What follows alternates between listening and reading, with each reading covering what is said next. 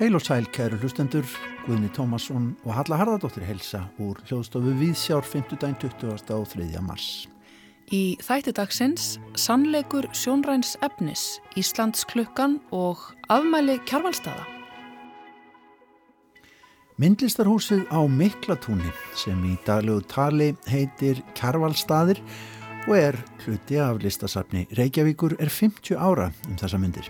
Þetta fallega hús hannað af Hannesi K.R. Davísinni arkitekt sem var þar meðal annars undir áhrifum af japanskum innblæstri í norrænan mótinisma þar sem áhersla var lögð á ómeðhöndluð náttúruleg efni bygginga á samt léttleika og innföldun allra dráta.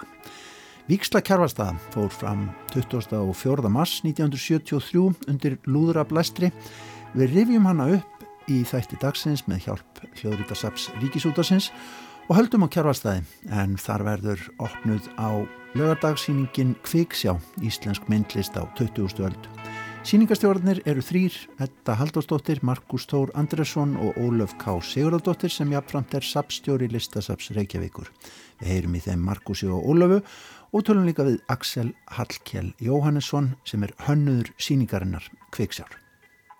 Og svo segir Nína Hjálmarsdóttir sína skoðun á splunkunýri uppfæslu á Íslandsklökkunni en leikópurinn Elefant sínir verkið um þessar myndir í kassanum í þjóðlugúsinu undir leikstjórn Torleifs Arnar Arnarssonar. En við hefjum þáttinn á vangaveltum um sannleika í sjónrænum miðlum ekki satt. Halla. Jú, á sunnudag verða síndar í Bíóparadís ansi merkilegar kvikmyndir sem hafa verið varvettar í kvikmyndasafni Íslands og í engasöfnum þar til nýlega.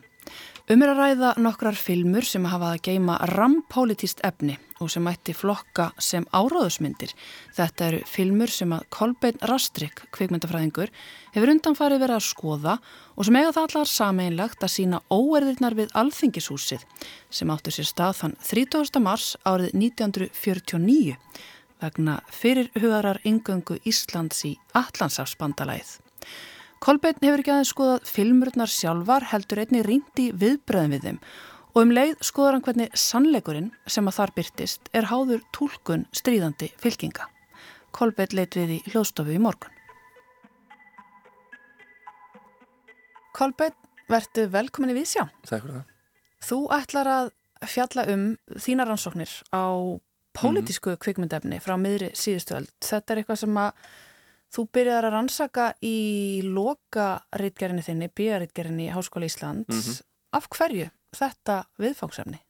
Sko, ég fór að skoða pólitíst efni bara upp, sko, svona almennt kvimundað og fannst áhugavert að reyna að finna eitthvað, sko, íslenskan vinkil á þetta og finna hvort það verið til íslenskar áróður kvimundir uh, eh, sem að ég fann og voru til það sem að hérna, Bandaríkin og Sovjetiríkin síndu kvimundir á Íslandi uh, um hérna, eh, eftir stríð en það var bæði annar nefandi sem var búin að detta þetta í hug uh, og það einhvern veginn var ekki til nógu mikið um þetta þannig að ég hérna, fann í staðin kvikmynda efni um óverðnar 30. mars 1949 þar sem að Ísland gekk í Allandsafsbátalægið Áður við fyrir að tala um filmuna sjálfa, mm. kannski að þú staðsettur aðeins okkur og hérna hlustendur svona í sögunni. Þetta er 30. mars 1949. Mm. Hvað er að gerast? Hvaða fylkingar er að taka staðana? Sko, þannig er þetta náttúrulega eh, kaldastriðið er að byrja svona í fullu sko og það eru allarsnafs bandalag sko eh, stuðningsmenn sem eru náttúrulega sjálfstæðsflokkurinn og, og margir hærumenn og svo þeir sem eru á móti eh, NATO eða allarsnafs bandalæni að það sem verður að NATO uh, og það eru hérna þessi sosialistar og hérna, einar Olgers og vinstrimenn og þetta verður einhvern veginn að sko starri baratu eða svona hugmyndafræðilega baratu sko vinstris og hæris frekar um eitthvað eitt mál sko þetta verður hérna einhvern veginn kjarnar þess að kallast því baratu hérna mm -hmm. þar sem að hæri menn halda að uh, vinstri menn alltaf bara taka völdin reyna og vinstri menn segja hæri mennum að gera Íslanda að í rauninni hérna, einhverjum lepp bandaríkina. Já og 30. mars er verið orðið svolítið svona mikilvæg dagur í sögunni vegna þessara óerða. Hvað er að gerast þarna? Sko þarna er verið að skrifa undir allsans bandalægs samningin og það sem að vinstrimenn og andstæðingar samningsins uh, kalla eftir er að sé þjóðarækvæðgrísla og þess vegna er stopnað til hópfunds þarna um morgunin 30. mars og þeir á að skrifa, um, skrifa undir samningin í hátdeinu og á meðan vinstrimenn sapnast saman handur fyrir framann þá eru hægri menn búin að sapna sér saman sko fyrir framann alþingisku húsið sjálft til þess að verja alþingishúsið og því þarna er búist við að sé mögulega bara gert tilhörun til valdarans ég allan að heldur sumir. Og þannig að fyrirmálin að þessu er að það er einhvern veginn búið að búast við eða búið að byggja upp einhverja hérna, hugmyndum að, að þarna þegar þetta gerist og þessi dagur verði að einhverju svaka sko. þannig að það eru allir komnir út sko, það er bara, já, sko, Östuvöllur er tróðfullur það er komin, svona, já, komin varnarlínur fyrir utan alþykishúsi þannig að þetta er svaka, svaka stuð sko. Og einhver ákveður að fara með myndavél Já. Hver er það sem tekur þessa kveikmynd? Sko það er mismunandi, það er hérna nokkru menn sem eru sko, þeir eru mistengtir flokkurum, sumir eru bara algjörlega ótengtir flokkurum Kjartan Ólásson til dæmis var bara mjög virkur í hérna, sjósættarflokknum og þannig að hann er beintengtur þannig að þeir eru allir með mjög mismunandi pólitíska sín sko og svo er til dæmis hérna, sjálfstæðisflokkurinn gerir mynd sem að notar bæði myndefni annara og þeirra eigið uh, sem heitir kommunista árásin á alþengi 30. mars 1949 og hún fannst til dæmis bara frekar nýla uh, og þetta er myndefni sem að er svona, þess að hefur verið að dett inn og það var, sumt af þessu var bara að koma inn úr mm -hmm. einhverjum sko háaloftum mm -hmm. þegar ég var að rannsaka þetta hérna En það myndast mjög skipta skoðanir um þessi myndbrott mm -hmm. hvar eru þau þá sínt og uh, hvaða blöð er að fjallumynda á sínu tíma? Já, myndefni er sínt sko það er náttúrulega tekur líka bara tíma fyrir myndefni að koma út á þessum tíma þannig að það er ekki sínt fyrir en sko nokkur mánuðum setna uh, eftir atbyrðin og þetta er sínt bæði hérna í Reykjavík uh, og líka út á landi. Og það er náttúrulega þjóðvilinn sem að tala mjög mikið um þetta og morgumblæðið uh, og alþýðublæðið bara flest öll blöðið í rauninni sko. Uh, en hérna en já, en viðbröðin er náttúrulega allt öðruvísi eftir því hvaða blæð er að skrifa sko þó að þetta sé hérna nákvæmlega, nákvæmlega sem minnina sko. Þú ert í það með nokkrar blæðagarinnar, ertu til að lesa já. kannski tvær, þrjár ólíkar svona lýsingar á viðbyrðinum mm -hmm.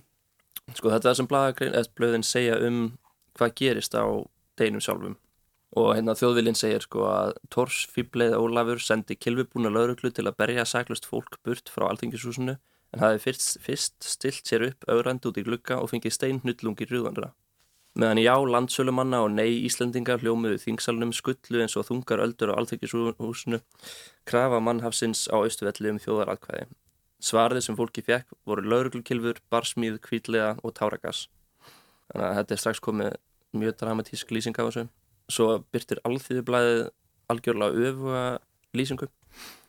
Það sem þeir segja að kommunistar og annar skrílstofnu til óvarða við alþingisúsið í gerðdag er þáttaka Íslands í Allandsafspandalaginu var samþygt. Það réðust þeir með moldar og grótkasti á alþingisúsið og laurugluna. Brutu flest allar rúður á norðurlið húsins, vörnuðu þingmunum útgöngu og serðu allmarga lauruglu þjóna á áhraundur og þarna er einhvern veginn báðar fylkingar lýsa líka sko eiginlega því sama sem að gerist uh, en, það, en sko vingilin er allt annar og það er einhvern veginn allt önnur sögurskoðun í gangi hérna Einmitt. Það sem er áhugavert hérna er að við höfum minna textalýsingar sem eru auðvitað hlutlegar Já. við höfum upptökur sem eiga að vera staðrindir mm -hmm. upptaka af því sem að raunverulega gerðist mm -hmm. en það sem að þú ert að velta fyrir þér hérna er að lestur í staðrindir er auðvitað hlutlegur Já. og svo er auðvitað líka spurningin hvað er staðrindir, mm. ekki satt?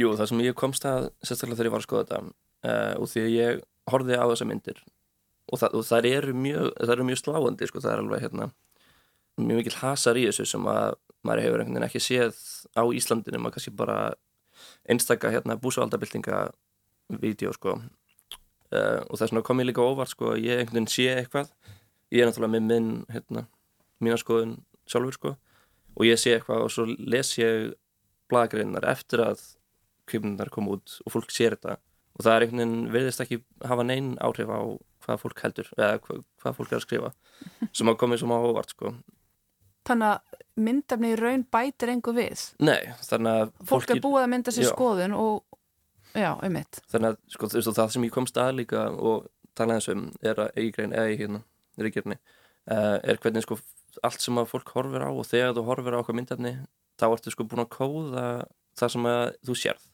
Þannig að fyrir fólki sem að sér til dæmis eitthvað ákveðna klippu það sem að laurugleinar ráðast á eitthvað fólk ef þú ert búin að kóða fólki þarna sem vondukallana og sem óðu komaristana þá sér þau náttúrulega eitthvað gott í gangi hérna í myndandinu en svo öfugt ef þú ert búin að kóða fólkið sem sönnu Íslandíkana sem er að hérna, verjast landráðamennum þá, þá er lauruglan náttúrulega vondukallina þarna Mm -hmm. þannig að þetta snýst bara um sko, hvað þú ert búin að sjá í og hvað hérna, svona, já, okkur humdifræði þú ert búin að sko, ljá myndinmunum með bara þinni sjónrænu tólkun sko. Einmitt, þetta snýst miklu meira um þína fyrirframgefnu skoðun í rauninni eða hvaða fylgtir Mhm. þú kemur með inn í tólkununa. já, í rauninni, sko, allan í þessu svona hápolítiska efni, sko en ég meina myndefni er í rauninni alltaf hátt tólkun, já, er það ekki? mm Sem þýðir þá kannski að sannleikurinn er bara sá sem við viljum hann sé. það getur Eða verið, það, stundum, sko. Það er náttúrulega hérna, já. Uh, þegar maður, eða, sérstaklega þegar ég er að skoða þetta og hérna, í svona allir svona rannsókn þá náttúrulega, eða, það getur maður orðið smá einhvern veginn aftengdur öllu og hérna, að sannleikur sé algjörlega abstrakt, sko. Uh, maður reynir kannski að vera einhvern veginn hald, halda sér aðeins í eitthvað en, já, Fin- Finn eitthvað akkeri. já, En í þessu máli, breytti myndefni þá einhverju í þessum deilum eða var einhver niðurstaða eða var þetta bara ólja á eldin? sko það er virtust ekki breyta neinu sko uh, og til dæmis í hérna dómsmálunum sem voru höfðuð eftir, eftir atbyrðin þar sem að ákveðni menn voru dæmdir fyrir að hérna efnatur óerða og, alls konar svoleiðis uh, þá, þá voru ljósmyndir notaðar sko en, en ég fann ekki neitt um að kveipmyndunar hefði verið notaðar sko. Já, þannig að ljósmyndir voru notaðar sem vitnisspörður. já og það var kallað eftir ljósmyndum í hérna eftir lauruglan kallað eftir að fá ljósmyndir sem fólk hefði tekið. Uh, og þær voru notaðar en, en kveipmyndar held ég já, kom ekkert. Mm fann ég ekki að það komin eitt við sögu sko, sem að, og, og ljósmyndina til dæmis sína mjög mikið sko eðalegginguna á alþingisúsinu eftir á og þannig en, en kvikmyndina sjálfar náttúrulega sína bara hvað er í gangi akkurat á þeirri stundu sko þannig að hérna það skrítir líka að veist, hver, en náttúrulega það er spurningum hver það er sem byður um þetta sem sönnugögn sko en Já, og svo er þetta líka spurning um hver það er sem er á baku myndavélina. já, Hver velur sjónarhóttnið. einmitt sko Mm Þetta er auðvitað eitthvað sem að ekki bara í dómsmálum heldur bara yfir höfuð eh, fólk hefur velt fyrir sér mjög lengi. Þú veist, Mhm. hvenar getur ljósmynd eða kvikmynd verið sögulegur vitnisspörður? já, einmitt Fyrst er það geta verið það í þessu tilfelli? sko Eftir að hafa verið á kafi í þessu? það er náttúrulega bara Hver hafði rétt fyrir sér? Hverju voru vondukallarnir á þessum degi? ég hérna, kýsa að svara ekki neinu uh, en svo náttúrulega bara ef við ætlum að sko taka einhverju sem vitninsbyrði þá hérna, þurfum við að, geta lagt mat á að eitthvað sé til í einhverju sko og því að annars annars, annars virkar engin vitninsbyrður ef við ætlum alltaf að segja að sé skoðunum háð að fullu frekar en, að hafi bara svona smá áhrif á það þannig að já, ég hérna, það er kannski já, erfitt að ætla að hérna, bara hætta við vitninsbyrð hérna í frá En þetta er ótrúlega áhugaverð, hérna, áhugaverð líka í ljósi bara þess sem við erum að lifa í dag. Þannig er hérna myndefni sem að tekur marga, marga vikur að framkalla Mhm. og að filterast inn í sko, þjóðfélagið til að vera eitthvað upplýsingar með að við í dag þar sem við erum bara með fá miljón svona vídeo í síman alla daga og þurfum að filtera þár, þær upplýsingar. mm Já, menna, það er náttúrulega þegar maður horfir á fréttamyndir og þegar maður horfir á hvaða myndbund sem er uh, sérstaklega út, já, það er bara ógeðslega mikið af myndbundu núna meina, ég, hef, ég hef alveg sjálfur einhvern veginn lent í að vera að horfa á hvað myndband sem maður heldur að sé kannski að maður einhvern veginn byrjar að túlka það á ákveðin hátt og þá er kannski vondi kallinn innan gesalappa að tapa eða eitthvað og þá er maður hérna svona, já, ok, það er góð, góð, góða fréttir. Og svo les maður aðeins veist, eða, eða hérna, túlkurinn breytist aðeins og þá er maður, að, nei sko það sama, þú veist ef maður, já, það ætti ekki að skipta endilega máli hvaða er sem myndin er að sína út þetta er eitthvað, kannski sem er slemt eitthvað, en það er bara svo ótrúlega erfitt að ætla að meta allt bara út frá því sem við sjáum sjónrænt. Við, það þarf einhvern veginn meiri sko ramma í kringum og, og þar kemur náttúrulega hugmyndafræðin í gegn sko, hvað, hvað er búið að búa ramman til sem sko. Einmitt. Algjörlega, samengi skiptir kannski bara meira máli og Mhm. sérstaklega núna þegar það er þetta flóð upplýsinga mm og, og inn í það spila svo algoritmin sem er orðið eitthvað mjög svona skrítið samhengi. Já, já það er náttúrulega sínum manni bara það sem að... Sem við viljum að sjá. Já, já. Kolbjörn, ætlar að halda áfram að, á þessum nótum í þínu rásóknum eða? Sko, mögulega með eitthvað, eitthvað með þessu sannleika pælingu. Ég, hérna, mér finnst það alltaf mjög áhugavert, sko, uh, þessi, hérna, já, þessi hugmyndafræðilega svona skoðun á sannleikunum, sko, sem, sem einhverju absolutt, en svo, svo séum maður bara hvað gerist. Þú ætlar allavega að kynna þetta betur í eh, Bíóparadís í samstarfið Bíótekið á sunnudag og þar auðvitað geta allir komið og séð þetta myndefni. Já, ég og hérna Ingeborg Haralds úr friðarsamtökunum ætlum að vera með smá tölu og smá hérna, fyrirlestur um þennan atbyrð og sína líka myndefnum. Ég er einhverja sko hugmyndin um þennan viðbyrð kom þegar ég var að skrifa ríkirina og var þá með myndband, eða myndbandin í höndunum en, ég, þur, en ég þurfti bara að sína ykkurum. Ég var alltaf að sína öllu fólki sem ég var að læra með þessi myndband og þetta er svo sláandi myndefni þannig að hérna mér dætti í huga að ég getur bara haft sambandi við kvífmyndasafnið þar sem ég fekk þessa myndir og, hérna, og sá að við vorum með þetta biotek þetta verkefni sem þau er hérna, þar sem þau sína þess að þrjára myndir í rauð á sunnundegi og þau voru bara mjög til í það og hérna, já, núna erum við að fara að sína þér þannig að fólk getur loksinn séð þetta myndinni sem er, og líka þetta er sko mikið af myndinni líka sem að hefur ekki sérst bara efer sko og þetta er að koma úr einhverjum hálóftum þannig að hérna, já, og þau eru búin að rýmastra þetta og, og snirta, snirta það. Þannig að já, þetta er eitthvað, þetta er alveg sögulegt alveg, sko, söguleg, smá sögulegu viðbyrður Sögulegu viðbyrður í Bíóparadís og Sunnudaginn. Takk einlega fyrir að koma við sér á Kolbeinn Rastrik Bara takk fyrir mig. Þetta var Kolbeinn Rastrik kvikmyndafræðingur sem hefur tekið saman merkilegar myndir um uh, óeirðnar sem að örðu 30. mars 1949 fyrir framann Alþingishúsið þegar Ísland var á leið inn í NATO. En þá förum við yfir í leikúsið Nína Hjálmarsdóttir, hún brá sér í leikus. Íslands klukkan eftir Haldur Kiljan Lagsnes hefur fyrir löngu marka sér stað sem eitt öndvegisverk íslenskra bókmenta og er enn skildulesning í mentaskólum. Bækurnar þrjár eru skrifaðar í sittni heimsturöldinni í aðdraanda sjálfstæðis landsins og fjalla um 17. öldina á tímum einungunar verslunarinnar. Það er draga upp sterka ádeilu á nýlendu hyggju dana en líka innri átök í slíkum aðstæðum milli yfirstjættar og undirstjættar Íslendinga sjálfura. Þessi bók hafði gríðarlega áhrif á mig sem barn og var til þess að ég reyfst heifturlega við dönskukennara minn í grunnskóla um heilindi þess að læra þetta tungumál kúarans. Bókin hefst á þingvöllum þar sem Danakonungur hefur fyrirskipað að láta skera niður síðasta djásnið sem er eftir á Íslandi, kirkju klukkuna, því það eigi að bræða allan kopar og teginn til að endurreysa kaupmannahöfn eftir stríð við svíja. Bækurnar þrjár hafa allar sínar aðalpersonur, Jón Rekviðsson, Snæfríði Íslandsól og Arnas Arnaus og þó að verkið sé söguleg skáltsaga er það þó byggt á raunverulegu fólki og ímsar aðstæður í bókunum fengnar úr sögulegum heimildum. Þetta er eitt af þessum meistaraverkum sem standast tímans tönn og eiga alltaf jafn mikið erindi því það er hjarta þjóðurinnar sem speklast í henni. Setningar eins og hef ég drepið mann eða hef ég ekki drepið mann, bergmála í menningunni og sumir viti ekki einu sinni hvaðan þær koma. Áhrif verksins eru svo sterk að erfitt er að sjá hvort lagsnes sé að endur spekla okkur eða hvort hann hafi beinleinis mótað þessa sjálfsmynd. Því er alltaf hægt að finna nýjar nálganir á verk eins og Íslandsklökunna í takt við samtíman því það segir okkur alltaf meira og meira um okkur sjálf. Þetta er okkar hamlet. Íslandsklukkan gengur svo sannarlega í endur nýjum lífdaga um þessar myndir en það var frumsýnt í síðustu viku í kassanum í þjóðleikusinu í uppfærslu leikópsins Elefant. Hópurinn samanstendur af leikurum af blönduðum uppruna, bæði lituðum Íslendingum og hvítum Íslendingum.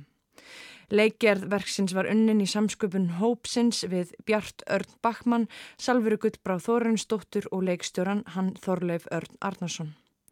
Tekstin í leikskráni er eilítið rugglandi og bendir til nýrar útgáfu af Íslandsklukkunni þar sem staða blöndu leikarana í íslensku samfélagi í dag sé í forgrunni.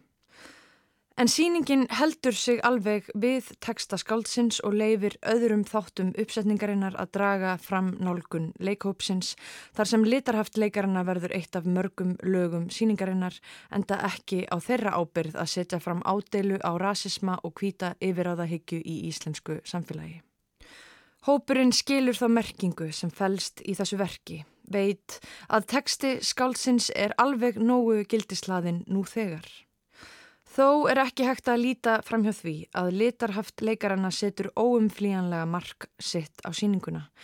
Eins og það að blönduð leikona skuli tólka hlutverk snæfríðar Íslandsólar, álva kroppurinn mjói, heið ljósa mann, býr til listræna tókstreitu sem knýr áhorandan til að taka afstöðu til þess hver fær að vera íslensk kona í þjóðar vitundinni.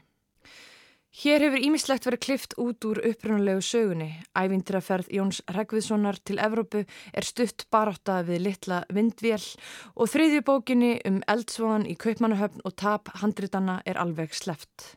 En allt er þetta gert til að segja ákveðuna sögu og segja hana vel og hér er það saga Snæfríðar Íslandsólar sem er miðja síningarinnar.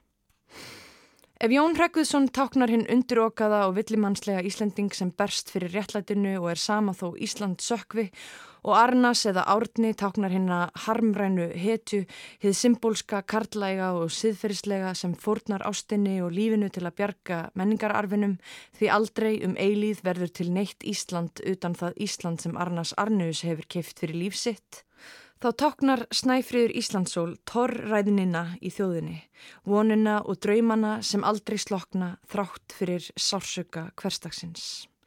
Í tólkun Marju Telmu Smáradóttur og í nálgun þessarar uppsetningar kristallast einhver kjarni personu lagsnes sem ég hef aldrei séð jafn skýrt og nú. Sem er að þrátt fyrir allt ofbeldið sem dinur á Snæfriði þá er hún alltaf sigurvegarinn. Það er ekkert sem getur tekið af henni sjálfveruna og afmennskað hana. Hún verður aldrei eign karlmanna, hvorki föður síns, ný árna, ný magnúsar. Við sjáum það í Marju sem við finnum fyrir í bókinni að draumar hennar um hið fallega sloknar aldrei. Hið fallega og góða sem er þá meira en bara ást hennar til árna, það er aðeins á yfirborðinu. Hið fallega hér tengist einhvern veginn öllum snæfríðum, öllum formæðrum, öllum sem eru viðfang hins ráðandi sjónarhors. En eins og hún segir sjálf, vettvangur dagsins er ekki minn staður, þar ríkja sterkir menn, sumur með vopn, aðrir með bækur. Þeir kalla mig hið ljósa mann og segja þitt ríki er nóttin. Ásand Marju stóð upp úr tólkun Jónmundar Gretarssonar á Arnas Arnösi sem heitir Árni í þessari síningu. Samband þeirra í byrjun verksins verkjar í hjartað það er svo sætt. Hann kann að líkamna þennan myndarlega og viðkvæma bjargvætt íslenskar menningar, ímynd góða gæja heilkennisins en nálgun uppsetningarinnar sem undistrykar harm snæfriðar afhjúpar um leið Árna. Síningin tekur skýra afstöðu og er ekkert að fægra Árna eða gefa honum ímynd göfugleikans. Hallgrimur Ólafsson fer með hlutverk Jóns Hregviðssonar sem er einhver best skrifiða persóna bókmyndasögunar að mínu mati sem flækist í þessu sögu fyrir það eitt að hafa stólið smá snæri í brítni neyð og hafa gert grín að danakonungi, maður sem mann hatar að elska en getur ekki annað en haldið með. Hallgrímur skilur innra lífpersonunar, berskjöldununa og húmorinn og fær að skína í byrjun en fellur svo í bakgrunnin vegna stefnu síningarinnar og hlutverkið verður að sögn í stærri heildarmynd. Personu Magnúsar í bræðratungu er kannski best líst í tekstanum þegar Snæfríður segir við hann rólega Berðu mig ekki meira núna, Magnús minn. Þú grætur þá þeimun meira þegar þú vaknar. Þannig öskrar lagsnes beinlinis inn í samtíma okkar með personu sem er ekki bara einsleitt skrimsli heldur heilsteipt manneskja. Það er ekki auðvelt að tólka Magnús en Davíð Þór Katrínasson gerði það vel sérstaklega þegar leið á og let hárin rýsa á handleikunum. Davíð gaf okkur líka eina beittustu senu verksins sem áhörundur orguðu af hlátri yfir þegar hann sem hirmaður kongsins í Kaupmannahöfn segir fimmura brandara á dönsku um hvað Íslendingar eru villimannslegir og skítugir sem er eins og beint úr fræðibókum um ímynd vorar þjóðar í Evrópu á miðöldum. En mann fattar ekki húmórin í lagsnes þá fær mann ekkert úr honum. Þar likur styrkleiki síningarinnar í þrýstingnum milli hádramatískra, atburða og trillingslegrar kýmnigáfu. Eins og þegar all liðið er saman komið á skálholti í surrealísku matarbóði og spennan milli árna og snæfriðar er næstum óbærileg. Meðan þetta er að gerast er einhver önnur narratífa í gangi hjá sér að Sigurði í tólkun Bjarts Arnar Bachmanns. Hann er svo indislega skrauf þurr en samt með eitthvað hildýpi innra með sér. Hvernig hann glottir í kampin til áhörenda og hvernig hann reyfir sig gerir það verkum að það er ekki hægt að taka augun af honum. Hér eru tveir öndverðir meðar, drama og húmors að framkapla saman óvænta harmoníu. Þarna dregur síningin fram margræðinina í bókinni og gerir hana að sinni. Það er gott merki þegar síning heldur manni á sætisbrúninni allan tíman í eftirvæntingu yfir því hvað gerist næst. En þó var líkt og verkið ætti erfitt með að halda stefnusinni undir hlassi af brellum og glisi. Það vantaði einhver skilning á því hvað þau eru að gera með þessari byrtingamind sem uppsetningin setur fram og það glemdist að dýfka meira hvað það er sem þau vilja segja með síningunni. Þetta sást meðal annars í því að einn flytjandin, Camilo Aldasaval Valdez, var settur í dæmigert hlutverk dansara í síningu sem tólkar innra líf annara persóna en fær enga persónu örk fyrir sig sjálfan. Annað dæmi var farði sem var notaður til að kvíta andlit litaðra leikara, vísun sem var ekki nú skýr og fjallum sjálfa sig. Sýningin er því í mótsögn við sjálfa sig. Ara grói mögulegra tólkana halda aftur af henni þannig að hún kemst ekki á áfangastað þrátt fyrir að beina aðteglinni að sögu snæfriðar. Sviðsmynd og búningar Guðnýjar Hundar Siguradóttir eru heill heimir út af fyrir sig með vísunum til íslenskra ástríðina, minnumáttakendar og mikilmennsku brjálaðis eins og fótbolta, treyja og pilsu sinneps. Hljóðhönnun Unsteins Manuel Stefánssonar gerir það sama og tónlistin ítir vel undir likilsinnur. Heimurinn enginnist af stöðugri uppbyggingu og niðurrefi og afbyggingu á hefðbundnum leikústöfrum og meitla sig inn í ríka hefð, samsköpunarleikús og framhandgerfingar sem þessi uppsenning á rætur að reykja til, þar sem augljóslega er margt sprottið frá leikopnum sjálfum. Nótkun á dýragrímum kindir undir afbreyðleika verksins og gróteska nálgun leiksturans en snæfriður með einhyrningshöfuð er þykk vísun. Hins eginn fagurfræðin í búningunum nær þó ekki að bindast nógu vel við heldar konseptið.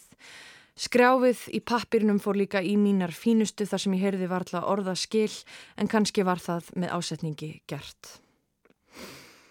Það virðist vera eitthvert listrænt uppgjör við fortið Íslands að eiga sér stað núna í fleiri verkum en þessari síningu. Það er eitthvað svo rétt að þessi hópur setju upp þetta verk á þessum tímapunkti. Verk sem skipar svo sérstakann sess í þjóðarvitundinni, jafn ástkert og það er óþægilegt. Leikópurinn rýfur í þjóðarsáluna einfallega með því að setja sig í þau hlutverk sem þeim var sagt að þau gætu aldrei leikið vegna þess að þau eru ekki kvít. Þegar Lagsnes skrifaði Íslandsklökkuna hitti hann þjóðina á viðkvæmum tíma og nú hefur Elefant gert sliktið sama og heldur inn í gömul sár sem hafa sér aðrar byrtingamindir í dag en hafa aldrei gróið.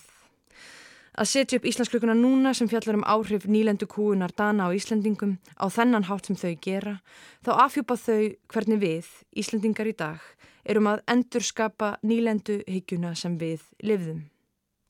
Sýningin markar sér því stað í leikús sögunni með því að benda ekki aðeins á ráðandi struktúr samfélagsins heldur afvopna hann með svipileiftri inn í rótækari, réttlátari og listrætni framtíðir. Sáði Nína Hjalmarsdóttir um Íslandsklökkuna sem síndur um þessa myndir í kassanum í þjóðleikúsinu. En þá hugum við að afmælisbarni.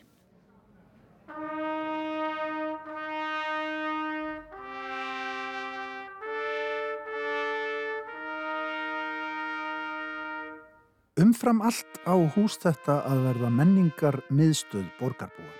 Hér á að ríkja það andrumsloft sem að dregur borgarbúa til sín. Menningarlegt umhverfi sem fólki líður vel í en þó engin lokmálla. Hér eiga menn að geta tekið afstöðu með eða móti stefnum og ströymum í listum og menningamálum. Rögrætt og dilt ímist á fundum eða sín á milli yfir kaffibótla. Í þetta hús á að vera gott að koma.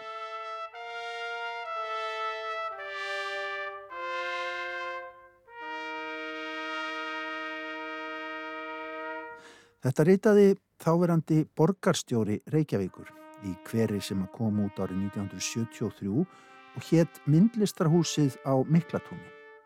Þá var blásið í lúðra eins og heyrist hér í hljóðrétti úr sapni Ríkisútvarsins.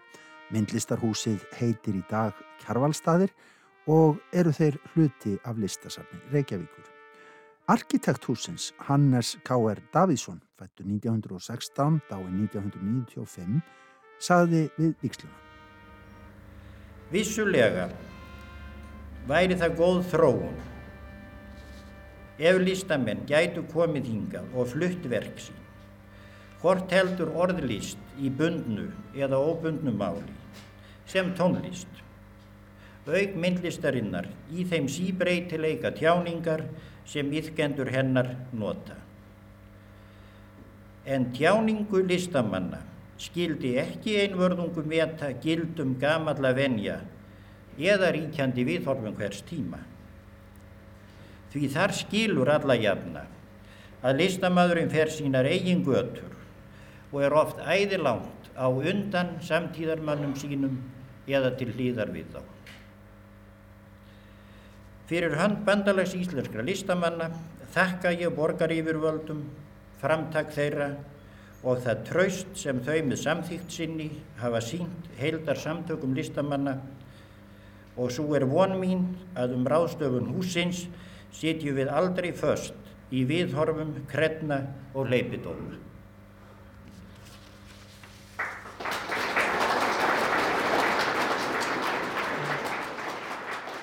Og nú eru kjarvalstaðir sem sagt orðnir 50 ára. Þar verður opnuð á sunnudag afmælisíning Kviksjá, Íslensk myndlist á 20. öld heitir hún. Við sjá hjælt á kjarvalstaði í dag til að heyra af þessari stóru yfirlitsýningu úr sapneign listasaps Reykjavíkur borgar og þá var sapstjórin emmitt að fletta í hverinu góða.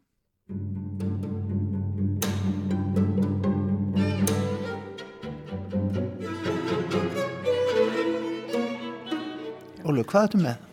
Ég er hér með fyrstu síningarskrána sem var gefin út í tengslu við síningar hér á kjarvalstöðum og uh, þá héttu Kjárvalstæðir eða þá var sagt, uh, þessi síningaskrá er gefin út fyrir síningarstæðin myndlistarhúsið við á Miklatúni. Einmitt, þetta heiti þetta líka í gömlum sjónvarsþáttum. Já, síningin sem var verið að opna uh, þarna 24. mars 1973 var síning á verkum Jónsar Sveinsson og Kjárvals í öllu húsinu og fljótlega fekk húsið nafn af listamanninu og var, var, var kallað Kjárvalstæðir. Við erum hérna í vestursalnum, ekki satt? Ég er, alltaf, ég er svo illa áttaður. Hérna, þessi salur, hann, hann er eiginlega tilengaður því sem gerst hefur á kjárvalstöðum frá opnun fyrir 50 ára 1973 gefur svona yfirleita því uh, þegar þú horfir yfir þetta er áhersluðnar eru bara alls konar. Það er rosa, við erum þarna með sko verk hliði hlið, annað, annað eftir Karl Kvaran og hitt eftir Tolla Mortens mm. sem eru gerð sama ár mm. og þau sína gríðarlega breytt í íslenskri myndlist á þessum tíma. Mm. Og þetta er mikilvægur hérna salur sem er síðan líka stundum tekist áum? Uh, það hefur örglega í gegnum árin alltaf verið tekist áum bara starfsemin í þessu húsi. Ja. Þetta hús er byggt upphálega uh, bæði fyrir félag íslenskra myndlistamanna sem hafði sapnað þér til þess að hægt væri að byggja síningasal, viðunandi síningasal fyrir myndlist í Reykjavík og Reykjavíkborg. Þannig að þetta var svona sameilur ekstur en það sést á forminu á húsinu. Það er í tveimur aðeins ólíkt stórum sölum, vestursal og austursal og annars vegar sem sagt fím var í austursalunum og Reykjavíkborg sem sagt vestursalunum var hugsaður fyrir síningu á verk á vegum Reykjavíkborgar, síningar á vegum Reykjavíkborgar. Þannig að, og síðan var sko tengi, tengi rými hérna á milli, það var hugsað sem móttökurými fyrir Reykjavíkuborg, þá var svona höfði ekki komin til sögunar mm. og þetta var svona ofinbært móttökurými Reykjavíkuborgar. Mm. Þetta indislega kaffehúsum er hann núna og, Já, og frábæra rými. Algjörlega og sko fljótlega voru, var félag íslenska myndlistum hann að borga út úr þessu samstarfi mm. Og þau keiftu sín einn sal annars þar í borginni. Og Reykjavíkuborg tók alfarið yfir reksturinn. Og það er svolítið áhugavert að skoða bara samþyktir um starfsemiða mm. að því að í fyrstu samþyktum stendur að hér skuli vera rými til að sína myndlist. Uh, síðan verða koma nýjar samningar þannig að senda á nýjönda áratögnum nýjar, nýjar, nýjar samþyktir þar sem að er sagt, sko, þar sem að kemur fram þessi krafa um það að starfseminn hér skuli hafa meiri tilgang. Það er að segja að það skuli miðla, skuli rannsaka, skuli varðveita og það skuli vera hér svona aktív fræðslu starfsemi og aktív svona starfsemi eins og þekkist á söfnum viðaðum heim. Þannig að það verður svona ákveðin áherslu breyting. Og þetta er grunnurinn að listasöfni Reykjavík? Algjörlega, ég, við kjósum að lítast það svo á sem það að uh, listaverka sapn Reykjavíkuborgar eignist fái aðstöðu til að sína sé grunnurinn að listasafni Reykjavíkur og kjósum þess að segja við sem 50 ára. Já, um að gera, nýtt að takkifærið. En sko þessi hugsun með þessari síningu, hún er að gefa eiginlega, hún heitir Kviksjá, Kviksjá af íslenskri myndlist á 20. öll, það er rosalega hérna Daldi stór svona fullering og mikill titill. Já, þetta er náttúrulega, sko, í safninu eru 17. verk, þannig að ef við hefum ekki takkifæri til að veita einhverju einsinn inn í söguna, þá er það svolítið, sorglegt. En við svona tókum þá afstöðu að velja úr safnegninni verk sem að stæðu fyrir ákveðna þætti í henni og uh, veittu líka síningagestum takkifæri til að að hérna, njóta íslenskrar myndlistarsögu þó við værim í sjálfu sér ekki að taka að okkur það hlutverk að segja einhverja afmarkaðasögu þá erum við bara, við erum að nota þessa sapnegn og hún er að mörguleiti brota kent, hún verður til e, upphálega þá, þá, til dæmis það, sko, það er verk í sapnegninni sem að, og þar á meðal rauntegaði heklu eftir Jón Stefansson sem að Ragnar Smára færði Reykjavíkuborg að gjöf sem og með það í huga að eh, hvetja borgina til að eh, stopna sitt eigið listasafn, listasafn Reykjavíkur. Það síðan varð ekki í þeirri aðrennu og sí, þetta er sem sagt, þessi verk eru í okkar safni, síðan eru verk sem að borgin egnaðist, stopnani borgarinnar keiftu og og listamenn hérna fengu að greiða útsvari sitt með og það er bara alls konar. Og þannig að það er mjög mikið breytt. Og síðan er þessu stóru listaverkagjafin eins og Kjarvals, Ásmundarsveinssonar og Erros sem mynda svolítið stóran hlut í safningninni. Eh, það eru hins vegar tæplega 5.000 verk sem að teljast vera svona hinn almenna safning, að segja verk eftir aðra heldur en þess að þrjá. Og við höfum svona kafaðins ofan í þann þau verk og, og sett hér saman síningu sem við köllum kviksjá og það er kannski kviksjá veitur oft brota kenda sín mm -hmm. þannig að við hérna en, en fallega og býður upp á, upp á ákveðna upplifun sem að, sem að hver og einn verður bara að leggja mat á út frá síni, sínum fórsendum Þið eru að klára uppsetningu núna, ég hljóp svona eitt ring og þú skipaði mig fyrir að byrja á ákveðnum stað og fara alveg nákvæmlega rétt að leið. Uh, þetta er svona krónológia sem er, er hér. Þetta er krónológia. Við byrjum söguna í Östusalum. Östusalurinn er sínu minni og í honum segjum við söguna frá, uh, frá því rétt, rétt fyrir aldamóti 1900. Það er svona elsta verkið okkar, eða með elsta verkunum, síðan til ársins 1973 þegar að við opnum hér og það verður að segjast eins og er að, að sko, fjöldi verka eftir 1973 og, og sko, sapnegnin eftir þann tína hún, hún er náttúrulega miklu starri og meiri heldur en eldri hlutin og við höfum svona verið að leggja áslá það að sapna frekar samtíman heldur en aftur í tíman og svona frá þá árunni 1973 Sko við sitjum hérna Óluf undir já umdeildasta lofti íslenskrar listasögu allavega og umdeildasta lofti eila bæjarins þetta förðulega hérna, þessi förðulega smíð sem þetta loft er hér í sölunum og kjærlastöðum uh, það er kannski meira verið tekist á um það en húsi sjálft. Þetta var aldrei umdeilt á sínum tíma og alls konar þetta er margar frétti til dæmis í safni ríkisútarsins um hérna lofti á kjárvarstöðum? Já, það kemur ekki ávart sko. Því að í ára ræðir var deilt um þetta loft en það er það, það er svona sjónrænt mjög ábyrrandi hef, en það hefur alveg ákveðin tilgang. Það, tilgangu loftsins er að bæði sagt, lífa okkur sem erum að njóta listarinnar við hérna, tækni búnaðinum sem er fyrir ofan en líka sem er kannski mikilvægara að í sölunum eru þakklukkar sem að þýðir það að það kemur dagspyrta inn, sagt, ofanbyrta, hrein dagspyrta en eh, lofti brítur dagspyrtuna hins vegar þannig upp að eh, það fellur aldrei bein dagspyrta á listaverkin og, og hérna hún verður svona aðeins eh, svona flatari og, og ekki eins svona ágeng og þegar þú ert með bara gafandi glukka þannig að ég held nú að já, ég meina á þú segir að það séu marga fréttur um þetta látt, það kemur ekki ávart af því að sko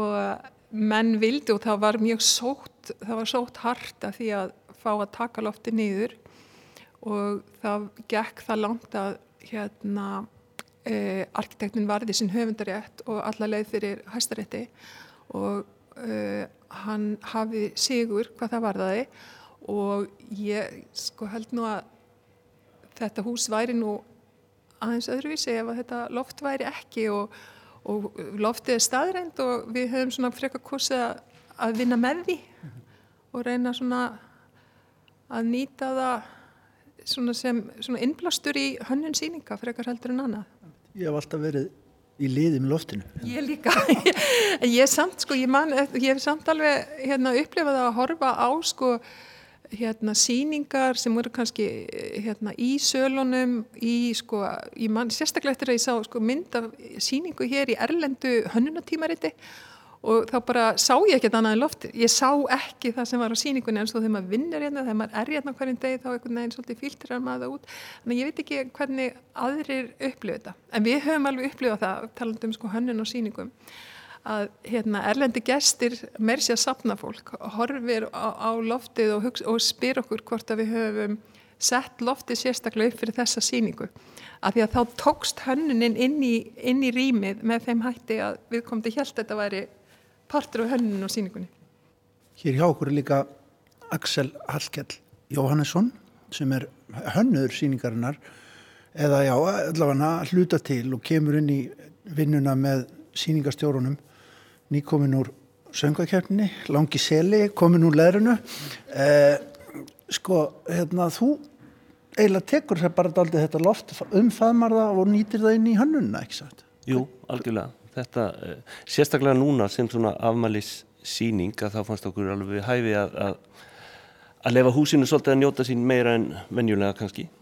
Já, bara komplimentera loftið og hérna, með hönnunni og að tegja aðeins til dæmis svarta litin sem er í því að tegja það eins niður í rýmið.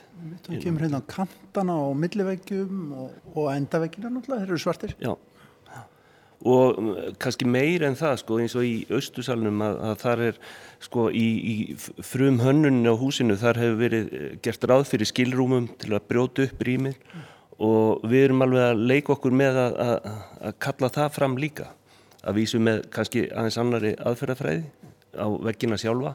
En, en það er svona hugsunin frá, frá sagt, arkitektum og, og frá þessu upphafi. Það er svolítið að fá að njóta sín í þeim sölum. Hvað finnst þér um þetta loft? Mér finnst aðeinslegt, ég er náttúrulega svona geometriu perri þannig að mér finnst það, alveg frábært og, og hérna, en maður skilur alveg sko maður skilur alveg svona tókstritu sem getur myndast sko. og sérstaklega eins og svona þegar maður er í einhverju svona rýmishönnun eða einhverju, sérstaklega tengtir í myndlist að hérna maður þarf að passa sig að gera ekki, ekki betur en vel því að myndlistin á náttúrulega að vera fókuspunkturinn. Hún er aðal. Hún er svolítið aðal sko.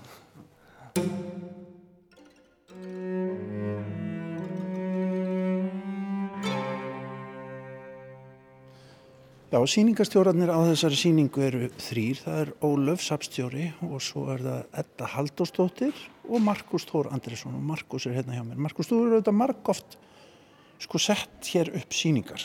Hvernig er að vinna bara hérna á kjærvalstöðu? Kjærvalstöður eru afskaplega gott hús, frábært hús. Þetta er sannlega byggt fyrir myndlist og maður finnur það að það er, það er hérna, hátur loft svo vítt í veggja mm. og uh, það er hlutu sem maður við til dæmis uh, njótum öðrum hættinir í Hafnarhúsi þessum burðarsúlunar eru alltaf fyrir okkur. Hérna erum við bara með, með flæmi sem hættar að hengja upp og, og, og veggi sem hættar að það er svona 70's system í gólfum þar sem maður krækir veggjum í gólfin ákveðna staði.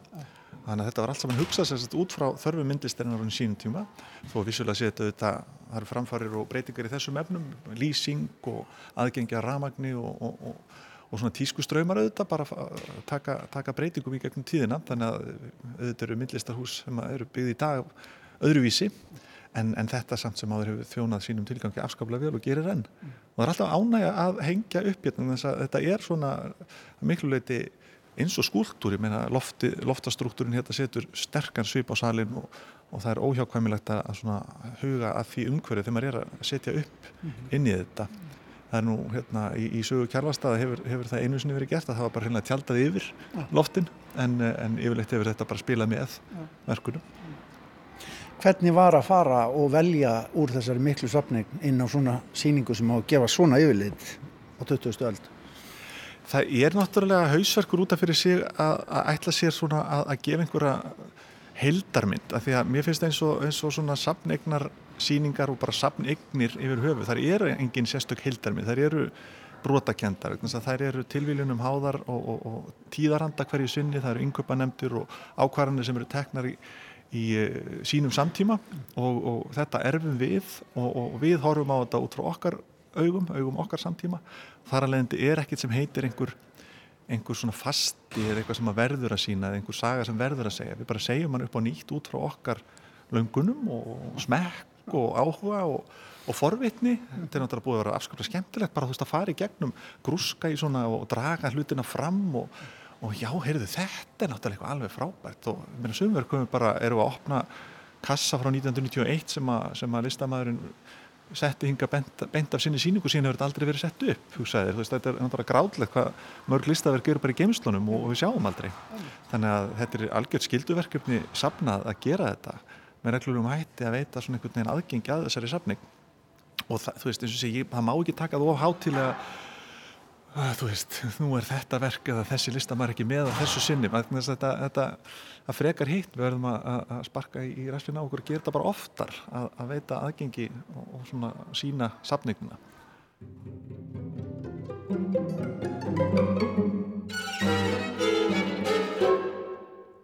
En Ólu að lokum sko bara ef ég spyr svona um heilsufar á listasafni Reykjavíkur á 50 ára ámali kjálfastæða er ekki fólk á hátindi lífsins til að finna ég hérna ég, er svona kannski erfitt að meta það svona innanfrá en, en hérna það hefur gengið alveg þokkalega hjá okkur sko. er, hérna, við finnum fyrir áhuga á myndlist og uh, það er kannski svona það sem við vorum að nefna áðan sem er að þessi krafa um að um starfsemi, það er að segja um virkni um að mæta gestunum. Og við höfum verið að leggja okkur fram í það að, að mæta fólki þar sem það er statt og reyna að miðla innihaldi og, og auka þekkingu og áhuga á myndlist í gegnum okkur starf. Og ég er svona auðvitað má alltaf gera betur en við erum bara full björnsinni og, og hlakkar sérstaklega til að miðla þessari síningu og við hefum svona notað þetta ammaliðsar til þess að lifta samnegninni til að fá uh, svona reyna að auka vitund manna um það að Reykjavík á þessi gríðarlega mörgu og, og fínu myndlistaverk sem að er gaman að geta veitt aðgang að. Og það er ekkert alltaf hægt að því það er líka hlutverk þess að saps að vera aktífur vettvangur þar sem að sko ný og, og, og myndlist hérna, samtímans á, á greiða leið og, og rannsóknir samtímans þannig að e, en þetta árætlu að leggja svolítið undir safningnina Við erum nýri hafnarhúsi með síningu á verkum alþjóðleira myndlistamanna í safnegninni sem við kallum kviksjá alþjóðleira myndlistar. Kviksjá 20. aldarinn er hér.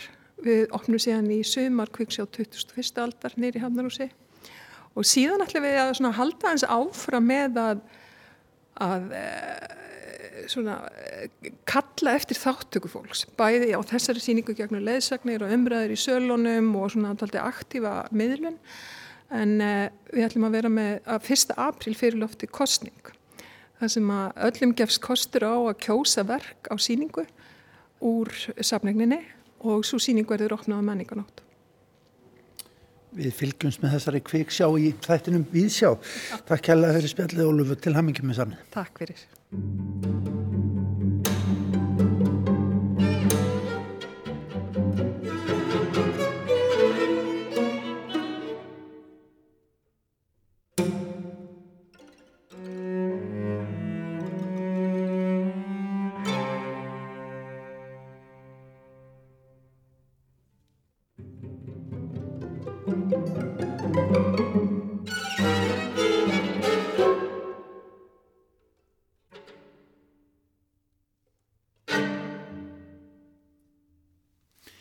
Já, hann var á ferðinni einn löfléttur smámunur eftir Allaheimi Sveinsson af blötunni Langur skuggi sem Kammersveit Reykjavíkur leka og gaf út um árið. Alli heimir stóðjú fyrir merkri tónlistardagskrá á samt fleirum á kjarvalstöðum í þessu fallega húsi sem verður 50 formlega á morgun. Kviksjá, síning á íslenskri myndlist á 20. stöld verður opnið þar á lögadag. Sýningastjórnarnir eru þrýr, Edda Haldurstóttir, Markus Þór Andresson og Ólöf K. Sigurðardóttir Sapstjóri. Og hér endur við þáttinn í dag en samt ekki alveg. Það er voru lofti, allavega í höfuborginni, svo við ætlum að setja vorið á fónin. Það er engin annar en Ragnar Bjarnason með KK 6-tettinum með lagið Vor við flóan. Erlend lag við texta Jóns Sigurssonar. Takk fyrir okkur og verið sæl. Verið sæl. Senn fer vorið á vængjum yfir flóan Vaknar allt af vetrar hlý Blóminn spretta úr jörg litla lóan Ljóðar glatt og leikur dátt sín laugin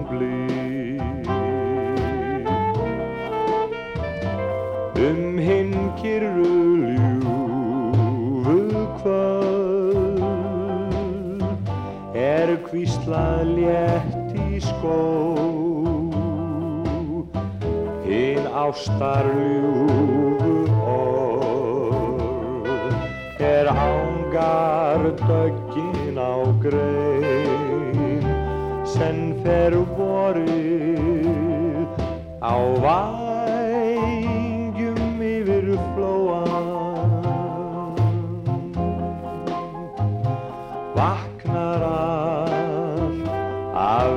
vetrar blum